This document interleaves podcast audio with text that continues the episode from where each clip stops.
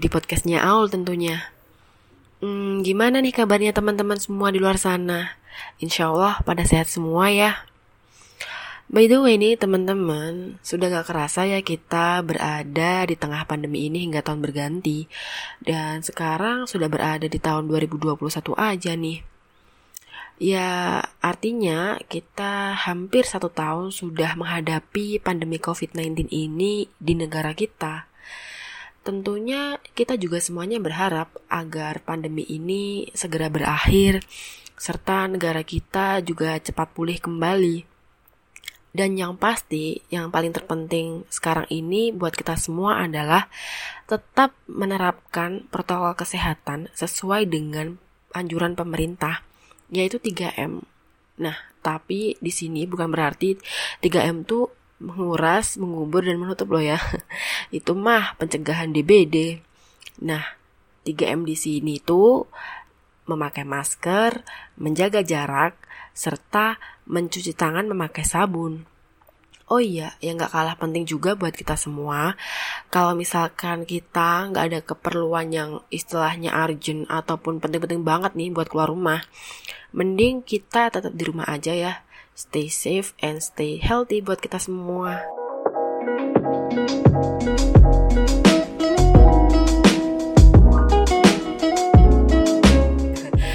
for the first time banget nih. Ini kan juga pertama kali Aul membuat podcast dan tentunya di episode pertama kali ini kita akan membahas mengenai suatu inovasi kebijakan yang diterbitkan di tengah pandemi COVID-19.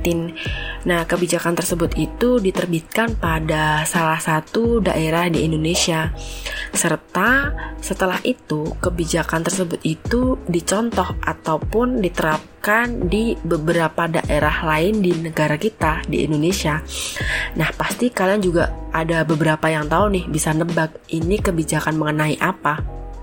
Nah, bener banget nih, ini kebijakan tentang PSBB atau pembatasan sosial berskala besar yang pertama kali diterapkan di Provinsi DKI Jakarta.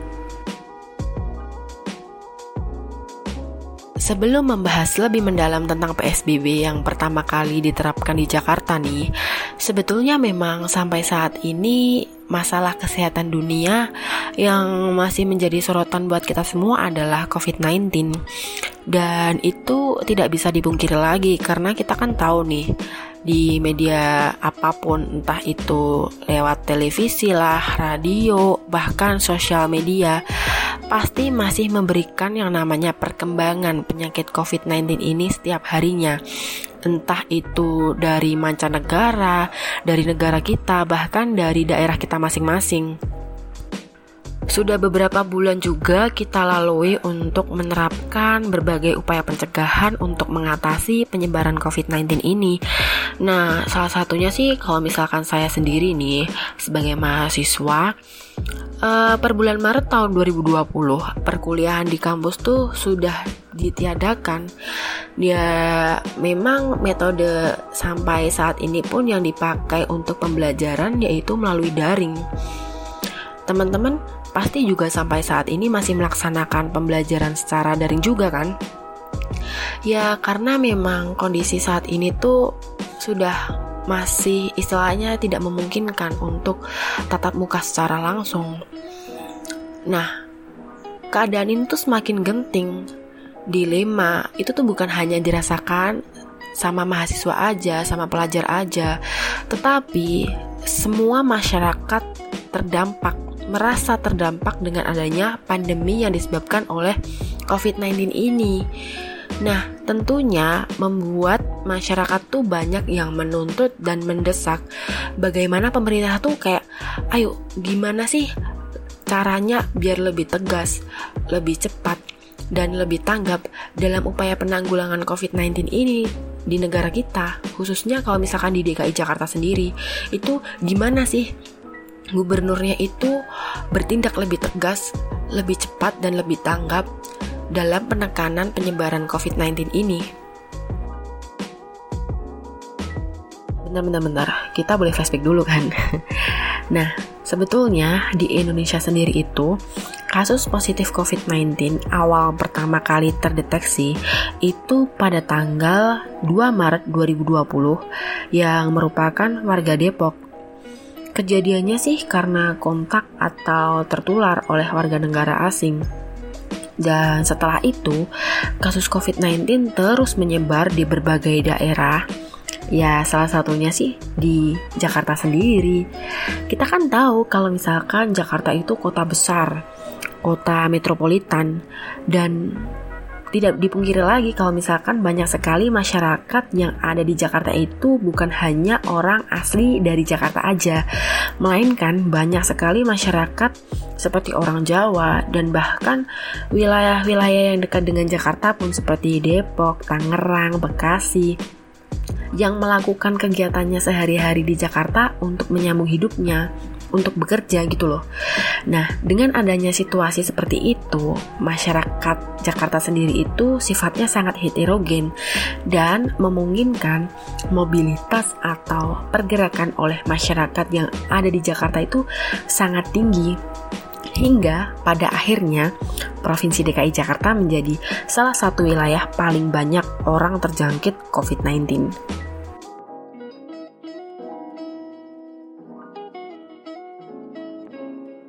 Dengan keadaan seperti itulah membuat pemerintah Provinsi DKI Jakarta menerbitkan suatu kebijakan yaitu Peraturan Gubernur Nomor 88 Tahun 2020 tentang pelaksanaan pembatasan sosial berskala besar dalam penanganan COVID-19 di Provinsi DKI Jakarta. Nah, yang perlu digarisbawahi nih teman-teman semua, DKI Jakarta sendiri melaksanakan PSBB tidak semata-mata langsung ada kebijakan yang terbit begitu saja, bukan. Akan tetapi sudah melalui proses ataupun tahapan yang cukup panjang. Ah, masa iya sih Jakarta ataupun Pemprov DKI Jakarta sendiri sudah melalui proses yang cukup panjang untuk menerbitkan suatu kebijakan Oke, kita lihat ya, proses kebijakan publik itu ada beberapa tahapan loh. Yang pertama, identifikasi masalah kebijakan. Yang kedua, penyusunan agenda. Ketiga, perumusan kebijakan. Yang keempat, pengesahan kebijakan. Yang kelima, implementasi kebijakan. Dan yang terakhir adalah evaluasi kebijakan. Nah, setelah itu, setelah melalui proses yang cukup panjang, DKI Jakarta mengajukan permohonan kepada Kementerian Kesehatan dan ya akhirnya disetujui untuk oke, okay, DKI Jakarta harus melaksanakan PSBB karena memang Jakarta sendiri merupakan salah satu epicentrum dengan peningkatan dan penyebaran COVID-19 yang signifikan. Nah, teman-teman, pada prinsipnya nih, sebetulnya PSBB itu memiliki tujuan untuk memutus rantai penularan COVID-19.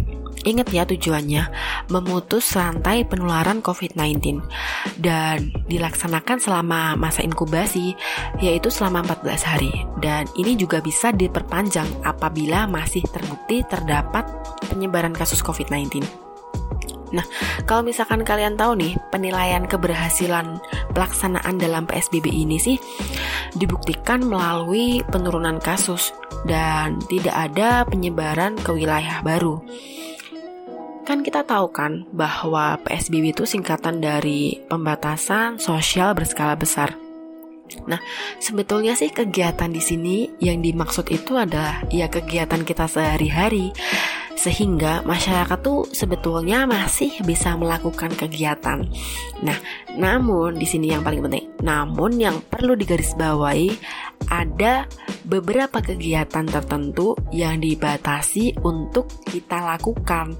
Nah, meliputi yang pertama, pelaksanaan pembelajaran di sekolah atau institusi pendidikan lainnya.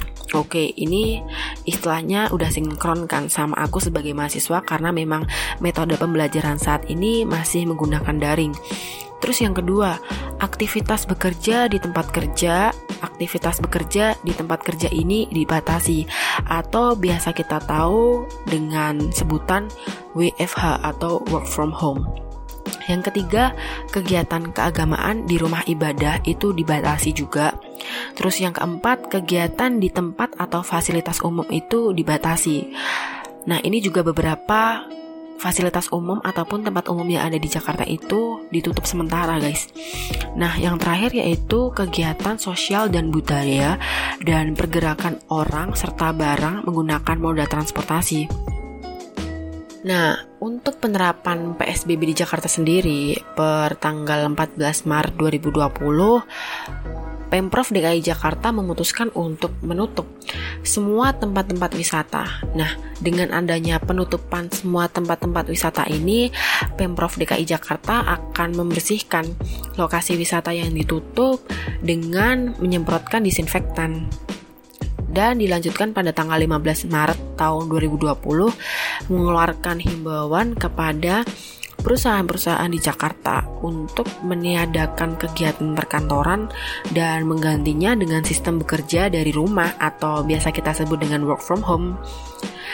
Selanjutnya pada tanggal 16 Maret menutup semua sekolah dari segala kegiatan belajar mengajar. Nah, ini yang paling ditunggu-tunggu nih Bahkan ujian nasional pun untuk siswa-siswi SD, SMP, SMA atau SMK itu pun ikut terdampak. Bayangin guys, ini baru pertama kali loh ujian nasional ditiadakan. Tapi ya mau gimana lagi karena memang tidak memungkinkan untuk ujian di rumah gitu kan dan setelah itu semua kegiatan peribadatan di tempat ibadah selama dua pekan per 19 Maret juga dianjurkan untuk dilaksanakan di rumah. Ngomong-ngomong soal dampak terhadap suatu kebijakan nih teman-teman. Pastilah ada sisi positif dan ada sisi negatifnya ya. Ya kalau dilihat sih PSBB ini kan juga pertama kali penerapannya itu diberlakukan di Jakarta. Ya pasti itu juga ada yang pro, ada yang kontra juga gitu loh Nah, kita lihat nih dari PSBB awal pertama kali itu, dengan adanya kebijakan itu diterbitkan, pastilah beberapa orang itu pertama kali dengan adanya kebijakan tersebut itu memikirkan bahwa wah ini kebijakan malah justru mengarahnya ke hal yang negatif nih. Orang-orang malah justru tidak memiliki produktivitas sehari-harinya gitu loh. Nah, dengan adanya seperti itu, contohnya aja misalkan di Indonesia sendiri nih, perekonomian itu anjlok sekali dengan adanya pandemi COVID-19. Nah, khususnya aja di Jakarta tuh. Misalkan di Tanah Abang itu kan banyak sekali toko-toko yang tutup dikarenakan adanya pandemi di negara kita gitu loh karena memang biasanya nih ya misalkan uh, waktu mendekati bulan puasa atau menjelang hari raya pun banyak sekali masyarakat-masyarakat yang berbondong-bondong untuk menuju ke Tanah Abang nih buat mempersiapkan misalkan beli mukena, beli baju baru ataupun hal-hal yang lain untuk keperluan di hari raya gitu loh. Nah, selain itu juga misalkan restoran itu juga banyak sekali terdampak dengan adanya pandemi COVID-19 karena kebijakan tersebut itu juga istilahnya memberlakukan restoran itu hanya bisa uh, take away aja nggak bisa makan di tempat ataupun dine in. Nah setelah itu transportasi publik juga dibatasi dengan ketat jumlah ataupun jam operasionalnya karena mobilitas angkutan umum tuh dibatasi maksimal 50% dari kapasitas serta ojek online dan pangkalan ojek juga diatur agar tidak terjadi adanya kerumunan di tempat umum. Namun di sisi lain dengan adanya PSBB itu juga berdampak positif terhadap indikator kesehatan juga loh teman-teman karena dilihat dari angka incident rate dan positivity rate COVID-19 di Jakarta sendiri. Karena kita ingat bahwa tujuan adanya kebijakan PSBB itu kan memutuskan rantai penularan ataupun penyebaran COVID-19 gitu loh. Nah, dari angka incident rate dan positivity rate tersebut itu Istilahnya grafiknya itu fluktuatif mengikuti adanya kebijakan PSBB, yakni turun ketika diterapkannya PSBB dan naik ketika PSBB itu dilonggarkan atau masa PSBB transisi. Kalau dari hasil evaluasi PSBB per 30 Juni 2020 sih, tren jumlah PDP atau pasien dalam pengawasan itu memiliki status yang fluktuatif grafiknya, tetapi cenderung menurun. Nah, tren nilai positivity rate itu juga fluktuatif loh, tetapi cenderung tetap. Sedangkan untuk nilai positivity rate itu rata-ratanya itu kurang dari 5% dan tren jumlah kematian akibat COVID-19 itu memiliki status juga fluktuatif, tetapi cenderung menurun loh. Dan PSBB akan tetap dilanjutkan hingga 14 hari ke depan. Dari peraturan gubernur yang telah diterbitkan mengenai pedoman pelaksanaan PSBB yang tercantum pada peraturan gubernur nomor 88 tahun 2020 yang perlu digarisbawahi adalah tujuannya yaitu membatasi mobilitas manusia serta komunikasi kontak sosial fisik dengan skala yang lebih besar gitu loh teman-teman Nah, bentuk PSBB itu juga merupakan suatu bentuk komitmen kita semua, komitmen bersama. Ingat ya, komitmen bersama bukan hanya dari komitmen pemerintah aja untuk mengendalikan penyebaran COVID-19 ini di negara kita, khususnya di Jakarta sendiri. Akan tetapi, komitmen kita semua, komitmen dari masyarakat untuk bisa mengatasi penyebaran COVID-19 ini dengan membatasi aktivitas sosial kita. Karena ini merupakan suatu hal yang sangat penting bagi kita semua karena kita sadar aktor pembawa penyakit COVID-19 itu manusia sendiri kita semua guys kita tidak tahu apakah kita yang memiliki risiko untuk memungkinkan penularan dari satu orang ke orang lain atau malah justru kita bisa jadi tertular dari orang yang di dalam tubuhnya itu terdapat virus. Sementara orang tersebut itu tidak memiliki gejala yang signifikan atau bahkan justru orang tersebut itu tidak memiliki gejala sama sekali atau OTG, orang tanpa gejala. Oleh karena itu, yang terpenting buat kita semua adalah ini menjadi komitmen kita bersama, kita semua. Yang pertama bahwa mari kita membatasi aktivitas sosial kita khususnya untuk di luar rumah. Mari dengan kesadaran penuh kita laksanakan kebijakan PSBB ini agar kepatuhan-kepatuhan ini tuh bisa dilaksanakan dengan baik dan bukan hanya karena unsur keterpaksaan aja akan tetapi ini tuh juga sebuah kesadaran yang sepenuhnya kita miliki dalam rangka menjaga dan memutuskan rantai penularan COVID-19. Masa sulit ini merupakan masa ujian kita bersama. Nah, maka dari itu, mari bersama-sama tetap aman dan sehat di rumah aja pemerintah akan bekerja keras lagi agar beban penyakit ini tuh bisa cepat berlalu, agar negara kita itu cepat pulih kembali, produktivitas masyarakat juga bangkit kembali. Gotong royong dan bersatu melawan COVID. Tetap patuhi protokol kesehatan yaitu 3M, memakai masker, menjaga jarak, dan mencuci tangan memakai sabun, serta stay safe untuk di rumah aja. Dan mari yang terakhir adalah kita melakukan aktivitas bersama keluarga di rumah. Mari kita juga menjadi pahlawan untuk keluarga, lingkungan, dan bangsa ini. Yakin kita bisa hadapi ujian kita bersama-sama. Dan ternyata pembahasan kita kali ini mengenai pelaksanaan PSBB yang ada di Jakarta udah selesai nih teman-teman. Dan sekian episode podcast kita kali ini. Jaga kesehatan selalu dan stay safe buat kita semua. Sampai jumpa di episode selanjutnya. Bye bye.